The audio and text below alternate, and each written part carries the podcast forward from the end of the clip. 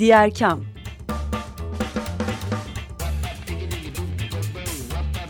Sosyal fayda dünyasından fikirler, tartışmalar, haberler.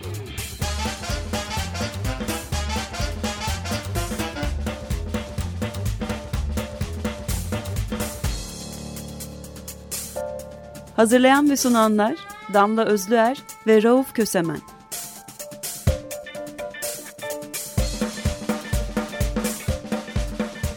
Zorlu Holding Sürdürülebilirlik Platformu Akıllı Hayat 2030, herkes için daha yaşanabilir bir dünya diler.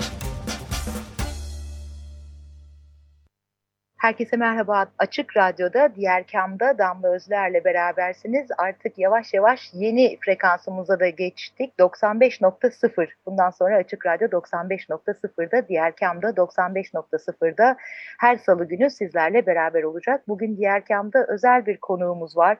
Boğaziçi Üniversitesi Sosyal Politika Öğretim Üyesi ve Sosyal Politika Forumu Merkez Müdürü Doçent Doktor Volkan Yılmaz. Hoş geldiniz Volkan. Merhaba, nasılsınız? Teşekkürler. E, pandemi sürecinde nasıl e, olabilirsek o kadar iyiyiz diyelim. evet. e, biraz izleyicilerimiz için e, açıklama yapalım. Bugünkü meselemiz ne? Çünkü diğer kamda her hafta bir mesele üzerine odaklanıyoruz. Bugün özellikle sizinle beraber e, Türkiye'deki engelliliğin hali pür melali üzerine konuşacağız. Bu alanda elbette ki sivil toplum çok geniş bir sivil toplum, çok ciddi çalışmalar var. Aynı şey hem yerel yönetimler için hem büyük kamu yönetimi için geçerli. Akademik çalışmalara baktığımızda da sizin özel olarak e eğildiğiniz bir alan bu. Ee, bir aslında çerçeveyi ve resmi görmemiz açısından Türkiye'de engellilik nasıl algılanıyor? Engellilerle ilgili çalışmalar hangi hatlardan ilerliyor? Ve aslında nasıl algılamamız gerektiği üzerine konuşalım mı? Tabii ki. Aslında Türkiye'de e, diğer toplumsal kesimlerden farklı olarak yani ayrımcılık riski altında yaşayan diğer toplumsal kesimlerden farklı olarak engellilere ilişkin bakış açısı genellikle olumlu. Herkes işte engelliler başımızın tacıdır der, işte engellilere yönelik her türlü olumlu düzenleme, destek görür diye düşünürüz. Yani böyle bir sert bir ayrımcı tutum açıktan aslında görünmez. E, fakat tabii bir yandan da bütün bu e, sanki bir uzlaşı varmış gibi engelli haklarını tesis etmeye yönelik toplumsal bir uzlaşı varmış gibi görünürken aslında pratikte engelli kişilerin yaşadıkları sorunlara bakmaya başladığımızda durumun pek de böyle olmadığını görüyoruz. Bu da biraz şaşırtıcı. Ee, yine işte hani farklı ayrımcılık riski altında yaşayan toplumsal kesimlerin durumlarına baktığımızda orada işte toplumumuz genel olarak daha ayrımcı tutumlara sahip. Dolayısıyla da bu tip problemler e, baş gösteriyor diye düşünüyoruz ama engelli kişiler söz konusu olduğunda durum, durum gerçekten ilginç. Bir e, Toplumsal Haklar ve Araştırmalar Derneği var, TOHAD. E, engelli hakları alanında izleme faaliyetleri de yürütüyor biraz bu program için düşünürken onların e, bir videosuna denk geldim. Video e, şunun üzerine sevgi her engeli aşar mı sahiden diye soruyor e, video. Ben çok anlamlı buldum bunu çünkü hakikaten ne zaman engellerle ilgili konuşmaya başlayacak olsak böyle bir empati çemberi içine sıkışıyoruz. ve hep böyle bir uzlaşı varmış gibi bir hal oluyor. Ee, yakın zamanda Paul Bloom'un bir kitabına denk geldim. Vintage yayınlarından e, çıkmış bir kitap. E, Paul Bloom bir bilişsel psikoloji profesörü Yale Üniversitesi'nde Amerika Birleşik Devletleri'nde. Kitabın adı çok e, çok ilginç. Empatiye Karşı diye bir e, kitap yazmış Paul Bloom. Ve orada şunu anlatıyor. E, yani empatinin her türüne ve her şekline her zaman karşı değil tabii kitap. Ama empatiyi şöyle tanımlarsak diyor başkalarının yerine kendimizi koymak ve onların duygularını böylece anlayabilmek, aynalayabilmek, hissedebilmek diye düşünürsek diyor. Empati aslında insanlar arası dayanışmanın pek de ideal bir temeli gibi görünmüyor bana diyor. Bunu da şuna dayandırıyor. E, diyor ki bir kere empati bireylerle kurulan bir şey. Yani böyle bir e, toplumsal sorunu anlamak için aslında çok yeterli bir kavram değil empati diyor. Çünkü durumu bireyselleştiriyor, bireyle birebir bir empati kurma gereksinimini e, çağırıyor ve de aslında e, birden çok insanla aynı anda empati kurmak da çok mümkün değil diyor bir psikoloji profesörü olarak.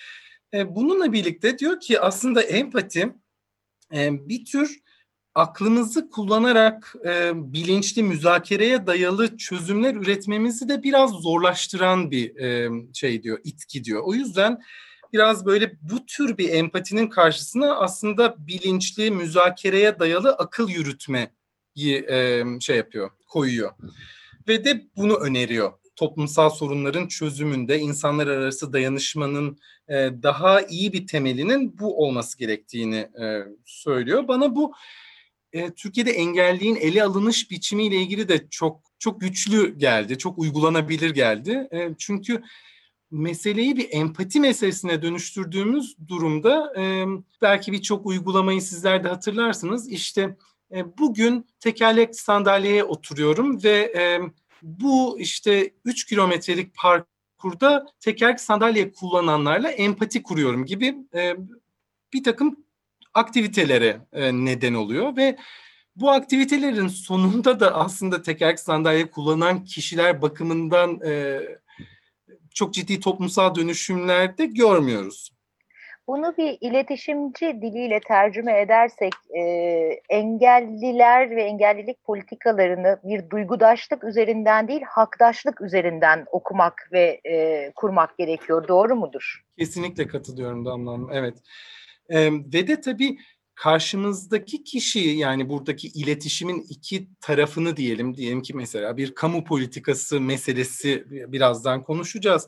E, epeyce mesele kamu politikası meselesi bir taraftan çok daha sistematik çözümler gerektiren sorunlarla karşı karşıyayız. Şimdi böyle bir durumda da empati dili e, bize böyle sistematik çözümleri beraberinde getiren bir dil de sağlamıyor. Halbuki biraz önce o Paul Bloom'un bize önerdiği işte bilinçli müzakereye dayalı akıl yürütme çağrısı ya da sizin söylediğiniz gibi hakdaşlık durumu engelli kişilere ve onların e, derneklerine, işte örgütlenmelerine birlikte akıl yürütecek paydaşlar olarak bakmamızı gerektiriyor. Yani bir böyle asimetrik bir ilişkiyle şimdi onları anlayalım ve ne kadar zorluklar içerisinde olduklarını 15 dakika olsun hissedelim gibi e, bir yaklaşımdan çok daha yapıcı bir yere götürdüğünü düşünüyorum bu tartışmayı. Türkiye'de engellilerin ve engelliler için hak mücadelesi yapan derneklerin en büyük problemleri hangi alanlarda ortaya çıkıyor? aslında epeyce bir e, alanda. Şimdi tümünü saymak mümkün olmayacaktır ama öncelikle belki şuradan başlayayım daha kavramdan kavramdan bahsederken bile engellilik dediğimizde bile aslında yine hepimiz aynı şeyi anlıyormuşuz gibi davranıyoruz ama pek öyle değil. Çünkü engellilik bir tür şemsiye kavram düşündüğünüzde epeyce ciddi bir çeşitliliği içinde barındıran bir şemsiye kavram hatta. Örneğin yani birkaç böyle örnek vermek istiyorum. İşaret dili konuşanlar ya da sağırlar, tekerlekli sandalye kullananlar, farklı bilişsel özellikler gösterenler, zihinsel engelliler, görme engelliler, ruhsal sorunlar yaşayan kişiler, görünür fiziksel farklılığı bulunan kişiler gibi epeyce ciddi bir e, çeşitliliğe aslında denk düşüyor. Ama genelde biz Türkiye'de Türkçe engellilik dediğimizde herkesin aklına çoğunlukla bedensel engellilik ve tekerlekli sandalye e, geliyor. Şimdi bu eşleme aslında kavramı e, epeyce kısıtlı kullanmamıza neden oluyor. Belki en önemli e, sorunlardan bir tanesi e, engelli hakları alanında bütün bu çeşitliliğin görülmesine yönelik bir çaba. Yani epeyce e, artık dernek var ve hak temelli çalışan da epeyce dernek var. Bu çok sevindirici Türkiye açısından. E, mesela bir iki tane örnek vereceğim. Yani ruhsal sorunlar yaşayan kişiler örneğin engellik tartışmalarında çok nadiren düşünülen gruplardan biri. Halbuki bir yandan da e, kamu kurumlarının yaptığı araştırmalarda da görüyoruz. Benim e, engellik ve istihdamla ilgili yaptığım çalışmada da e, çok duyduğum e, farklı paydaşlardan duyduğum bir, e, bir, bir husustu. E, aslında ruhsal sorunlar yaşayan kişiler engelliler içinde de epeyce daha dezavantajlı durumdalar. Örneğin e, çalışma hayatına katılma konusunda, işe alımda ayrımcılık konusunda gibi. E, şimdi bu alanda işte Şizofreni Dostları Derneği gibi dernekler var. Bir takım farklı şizofreni dernekleri var farklı illerde. Ruh sağlığında insan hakları girişimi var. E, bütün bu dernekler aslında hem Türkiye'de ruhsal sorunlar yaşayan kişilerin haklarını e, daha görünür, tartışmada görünür kılıyorlar. Hem de aslında engelli hakları alanında bu konuyu biraz daha gündeme taşımaya çalışıyorlar. Yine bir tane daha e, örnek. Bu görünür fiziksel farklılık meselesi.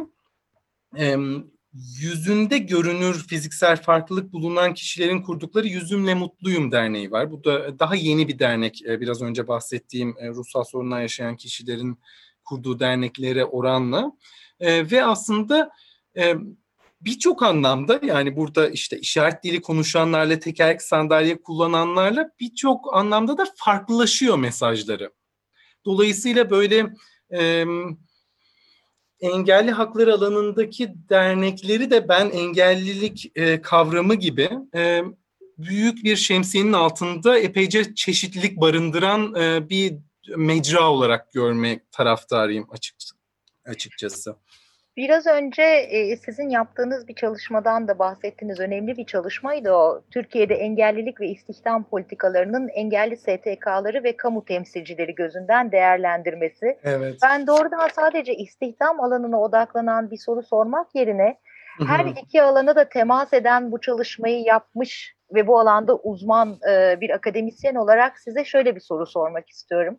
E, kamu sivil toplum ilişkisi bizim diğer kamda çok ele aldığımız meselelerden biri.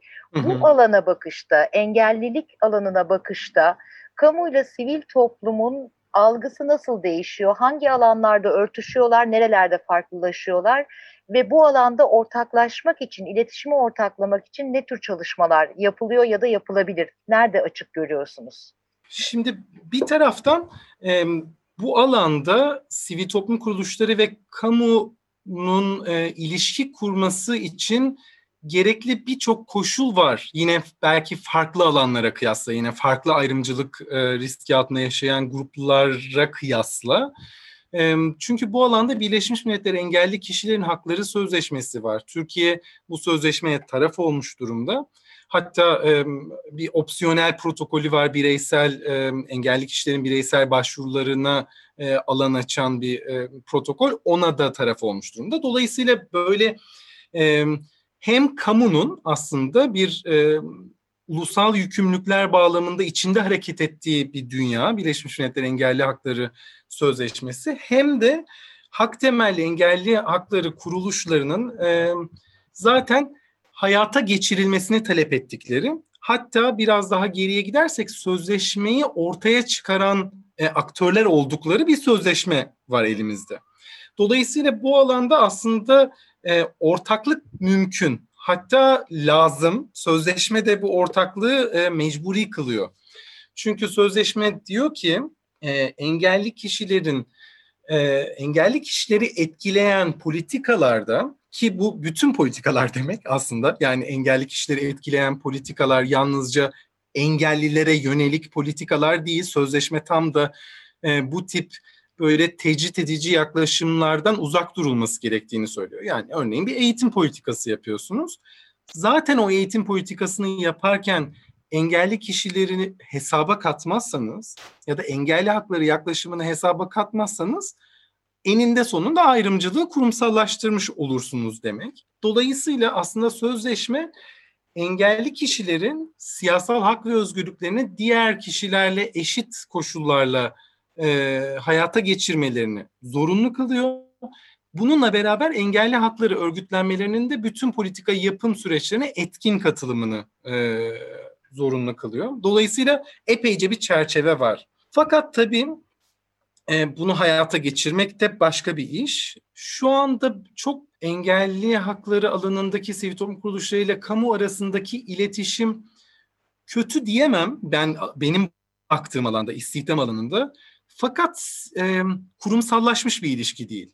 Yani çok daha e, işte kamunun zaman zaman ihtiyaç duyduğu ve toplantıya çağırdığı durumlarda kamu istediği kadar e, dinliyor ve e, aslında ondan sonra da hareket etmeye devam ediyor. Şimdi etkin katılım böyle bir şey değil. Öncelikle sizin bir sivil toplum kuruluşu olarak görüşünüze başvurulacağını önceden bilmeniz, buna göre hazırlık yapabilmeniz örneğin yani istihdam politikaları ile ilgili söz söylemek çok kolay değil.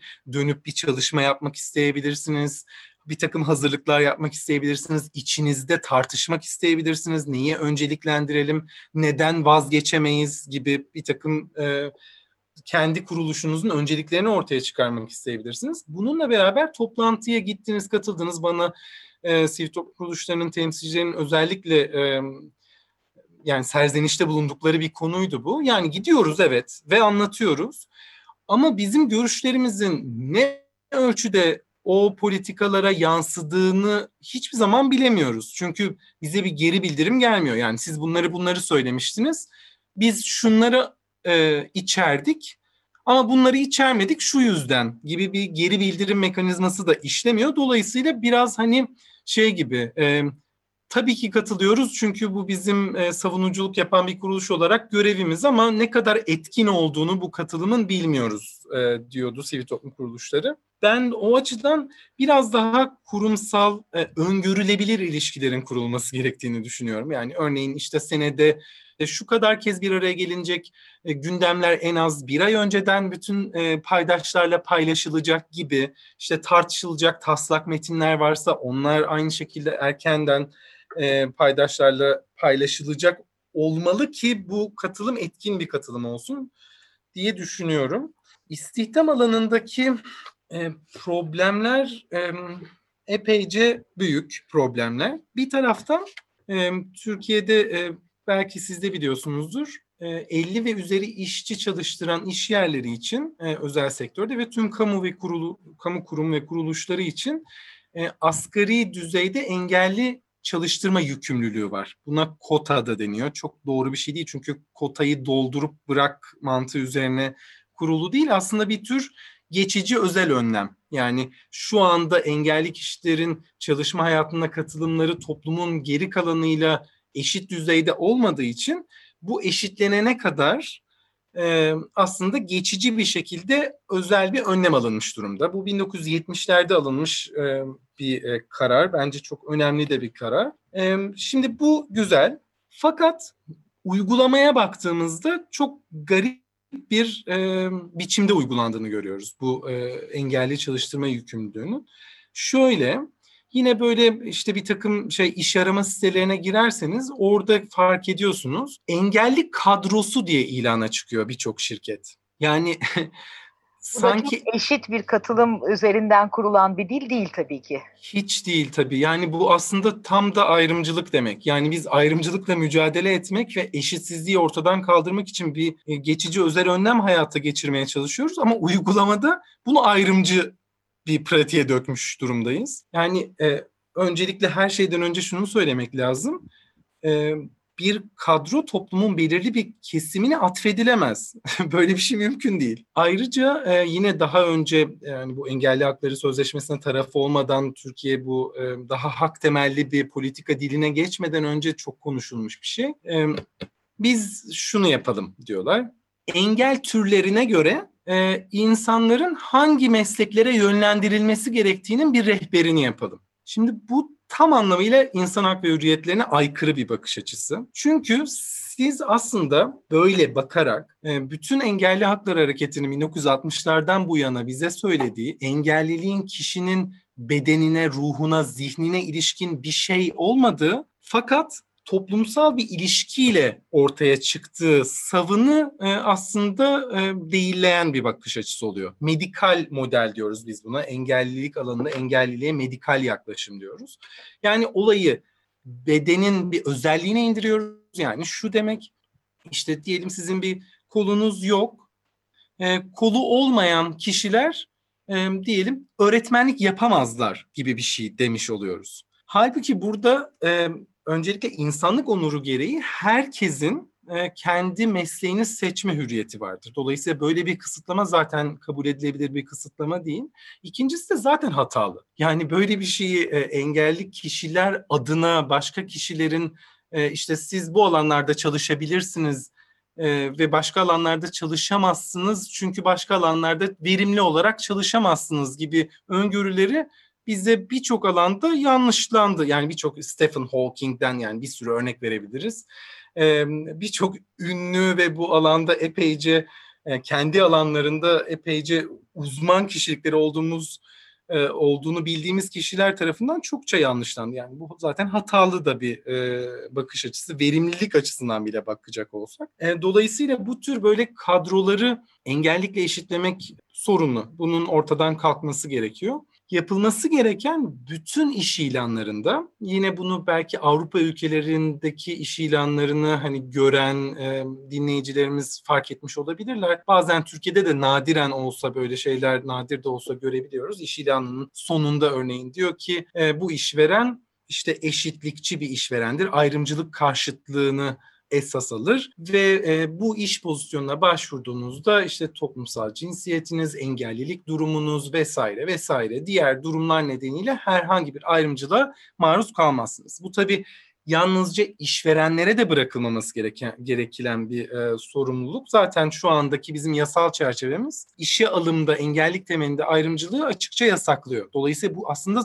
yasal olarak da hem e, işletmelerin yükümlülüğü hem de kamunun yükümlülüğü. Dolayısıyla e, bunun umarım yakın zamanda engelli hakları kuruluşlarının da faaliyetleriyle değişeceğini e, düşünüyorum. Bu tip böyle engelli kadrosu diye açılan pozisyonlar. Ve tabii tahmin edebilirsiniz engelli kadrosu diye açılan e, iş pozisyonları genellikle daha düşük ücretli, daha az kalifikasyon gerektiren e, pozisyonlar oluyor. Bunun e, kendisi de tabii ki e, ayrımcı. Neden? Her ne kadar engelli kişiler Türkiye'de ve dünyanın birçok yerinde eğitime eşit erişimleri sağlanmamış olduğu için yani eğitim alanında uzun yıllar ayrımcılığa uğradıkları için e, engelli kişiler arasında örneğin üniversite mezunu oranları toplumun geri kalanının altında kalıyor. Dolayısıyla hakikaten engelliler arasında daha az eğitimli kişiler daha çoklar.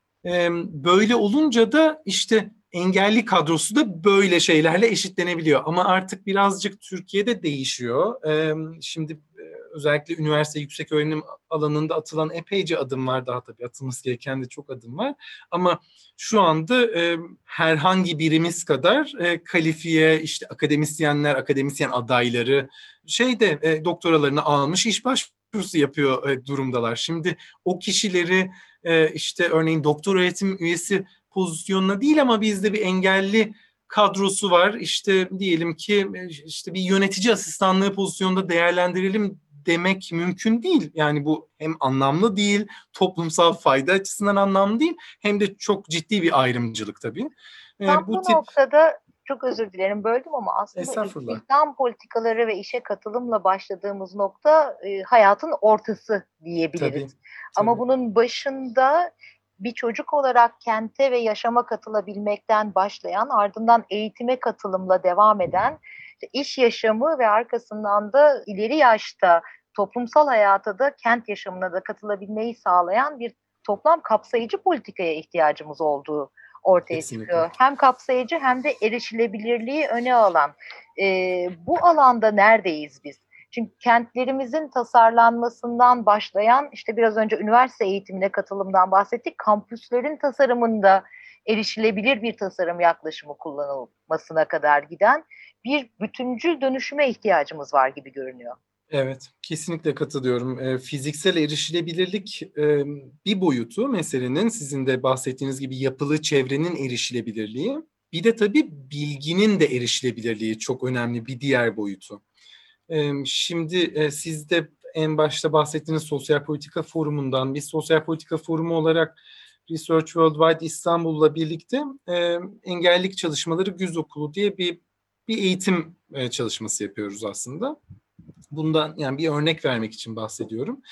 Bu güz okulu şunu hedefliyor. Sosyal bilimler alanında yüksek lisans veya doktora yapan öğrencilerin engellik alanında bir araştırma yürütmek istiyorlarsa desteklenmesini, güçlendirilmesini hedefliyor. E, sadece Boğaziçi Üniversitesi'nden değil, farklı üniversitelerden de bu alanda çalışan farklı disiplinlerden hocalarımız bir arada e, eğitim kurguladık ve işte o eğitimi veriyoruz ücretsiz olarak. Orada şimdi ilk defa pandemi nedeniyle de eğitimi online'a e, online eğitim olarak e, bu sene verdik. Ve bu sene ilk defa bütün e, derslere, derslerin kayıtlarına işaret dili tercümesi ve altyazı ekledik. Yani açıkçası şimdi bunu yaparken e, daha çok çarptı e, benim de yüzüme.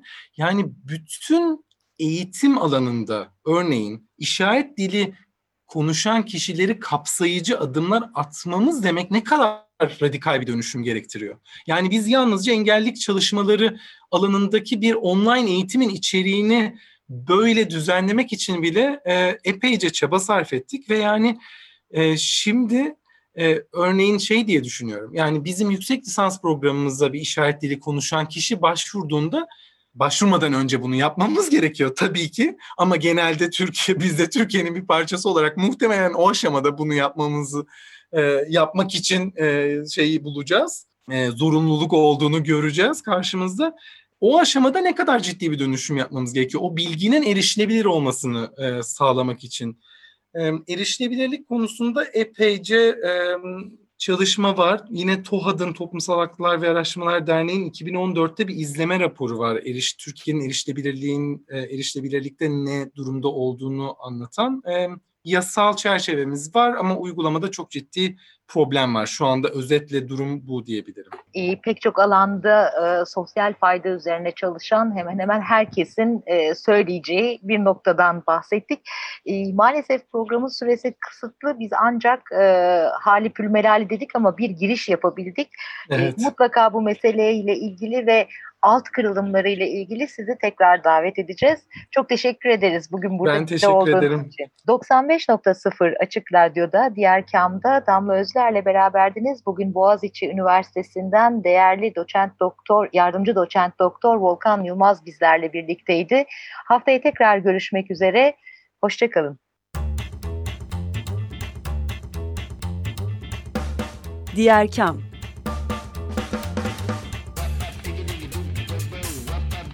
Sosyal fayda dünyasından fikirler, tartışmalar, haberler.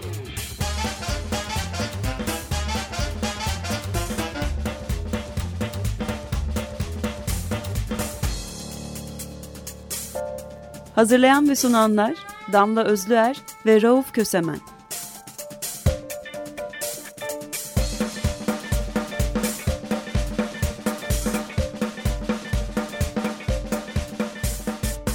Zorlu Holding Sürdürülebilirlik Platformu Akıllı Hayat 2030 sundu.